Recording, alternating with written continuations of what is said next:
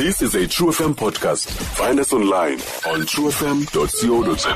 masiya emnxebeni kwe-political analyst and economist umr mthetheleli poti um mntakapoti masikwamkele true f m pota Oh, mandibulele msasazi eh ndibulele kubaphulaphuli eh bephondo lempuma koloni igabalala eh ngeli xesha le difficult eh ungakumbi kubasebenzi eh kwi-economy nakwi-economy yomzantsi Afrika iphela. Ndiyabulela msasazi Mm, mntakwethu khawutsho xa kuthethwa nge-recession kuthetha ukuthini? Eh enkosi msasazi okokuqala msasazi xa sithetha ngalo mcimbi we-recession qaba msasazi sithetha ngokuba ku- ku- kule massive decline eh kwi-growth lathi contribution ye-GDP yelizwe. Eh okwesibili msasazi kula- kulapho khona uqoqosho lwelizwe likwipoint ewikhi kakhulu eh lingakhuliyo. Lelo kuthiwa i-economic decline.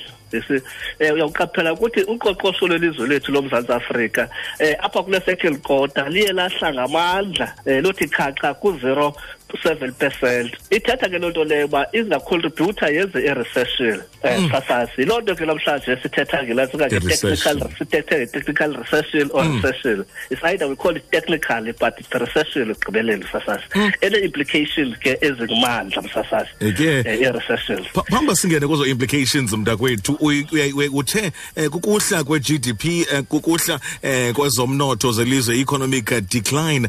Yintoni mhlawumbi econtribute econtributayo ekuhleni kwezi zinto what are the possible causes? Is it us or zizinto zangaphandle mhlawumbi foreign exchange rates and what have you?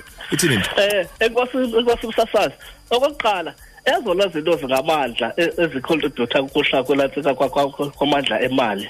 O- ngakumbi apha ngaphakathi elizweni lento kwi-domestic economy yethu uyawufumanisa ukuthi pha ideclinile ngamandla i-manufacturing sector kwilizwe lethu. Sithetha ngantoni xa sithethe nge-manufacturing sector. Xa sithetha nge-manufacturing sector.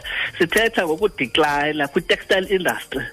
Sithetha ukudecline kudecline kwi-industries ezisuplya electric appliances. Um kwaphinde kwakho i-decline engamandla phaa kwi-mining sector yelizwe lethu. Nayo ek- ebikade icontributor um immensely kwilatsika kwi-G_D_P yethu. Eh kwaphinde kwakho ukudecline msasazi kwezi sectors zintathu. Kwakho phinde kwakho u- udecline lapha kulathi ndiyibalile i-mining ndiyayibala ilatsika i-agriculture kha ndiyibale Yes. kwaphinde kwakho udecline apha kulo kwi-agricultural sector yethu. Zontathu ke ezi streams of economy zicontributa kakhulu kwi- kwi- kwi-growth domestic pro- kwi- eh, kwi-G_D_P yethu. Yelizwe. Uyawufumanisa ke i-agriculture idecline kakhulu ngomyinge othi apha ku-thirty-nine percent um kule second quarter. This is the sector ke that takes elatsika a big knock kule nto ye-recession kuba ngenxa yento olatsika into elatsika yembalela gabalala kwilizwe lethu nayo ethe yacontributa kudecline kulatsika kumandla okwe-agriculture mntakapoti Yep. Eh kwezi decline zingako zibalayo. Now mna mntu ulapha ezantsi indi-affecta njani ke ngoku le recession sikuyo? Okanye mhlawumbi hayi yinto yezinana phaa phezulu? Hayi msasazi i-reception i-affecta every citizen you see? The have and the have not. Abafumileyo nabangafumelanga. Ingakumbi msasazi abantu abaphangelayo. Ingakumbi msasazi abantu abapha ekuhlaleni ezilalini eh, abangaphangeliyo. Kuba msasazi i-recession ilatsi impact yayo msasazi izakucontributa kwilatsika kwi-rise unemployment. Eh icontribute kwila kwi-rise yepoverty. Yeah Ikho- increase inequality msasazi. Eh okwesibili msasazi iza ihlala ibe lixinzelelo apha kubathengi kuba amaxabiso aza escalate azawunyuka. Eh besisandofumanisa uba ipetrol bisandonyuka msasazi. Ngenxa yale recession kuzawunyanzeleka iphinde ipetrol inyuke kuba intengo yeoyile ekrwada yenyukile kweentsuku ze-recession. Yiyo. Eh xa kunyuka intengo ke yeoil ekrwada ithi ke msasazi ipetrol iza kunyuka Yiyo. kwilizwe lomzantsi afrika.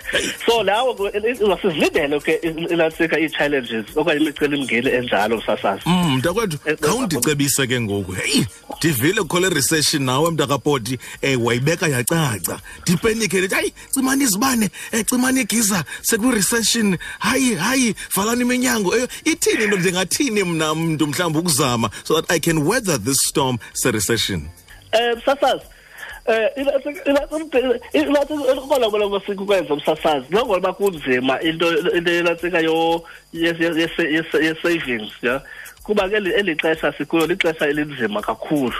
Eyona nto besino- besinoyikhuthaza kubasebenzi um kukuzama ukuseyiva Yisi- oku- okuncinci okubonako bazame ukuseyiva so that bazokwazi umitha ispending sabo. Nangoko kuzawuba nzima msasaza izoba lula kuba ilantsika irandi ihle kakhulu.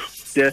umzekelo uba bu- bu- bubule budget um ngona ngo- ngo- ngo- ngojanuwari ukugrosala nge-thousand rand I- ngoku kuza- kuzawuba nomyingo we-two hundred and fifty kulaa thousand rand ithetha ukutsho loo nto leyo sasasa Yho. so ibeka kakhulu Yho. uxinzelelo kubasebenzi Hey, hey, nakubantu abangaprotect- bangathathi ntweni ithi loo nto makuqhuma idiet number one eh lokuthola khona ke kuthiwa ilantsika yi-belt tightening.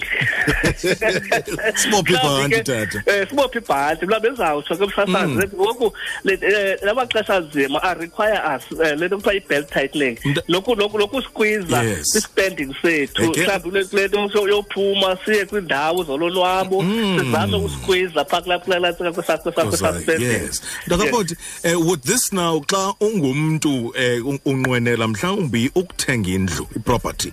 Unqwenela mhlawumbi ukuthenga imoto ngamatyala onke la ndithetha ngawo. Unqwenela mhlawumbi uthenga igomagoma mntamam ezintsha kube ntofontofo kwakho. Do, do, do, do you now wait igqithi i-recession um do you advise umntu mhlawumbi onokwenza eza purchases into yoba alinde okanye mhlawumbi zithi okay into yoba aqhube um with those purchases? Eh enkosi umsasazi eyam eyam ingcebiso umsasazi ngenxa yoxinzelelo yemeko zok- zoqoqosho.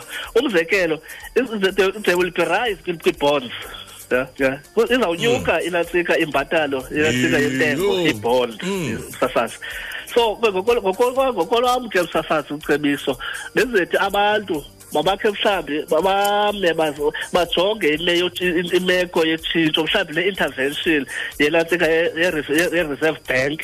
Um mhlawumbi ingaza le intervention lolowarisa mhlawumbi kwe-interest rates. So that uh, that can leverage the situation so that the people can manage through the situation. Ndakapoti eh, ixesha iyawusoloko um ilutshaba lwethu but ubeke wacaca lo mcimbi kucacelwe nathi apha estudio thina bengayazi uba i-recession yintoni. Nkosi. Inkosi msasasi yabulela ye ngumnumzana umthethelela ipoti lowo i-political analyst and economist. Yacaca indaba e-reception uthi noba ubungenayo ikhonqu belt faka. Noba yi-safety belt kodwa inye into ayicebisayo mphulaphuli bopha ibhanti Stream True FM online on truefm.co.za. sikho yonke indawo ngalo lonke ixesha like no one else.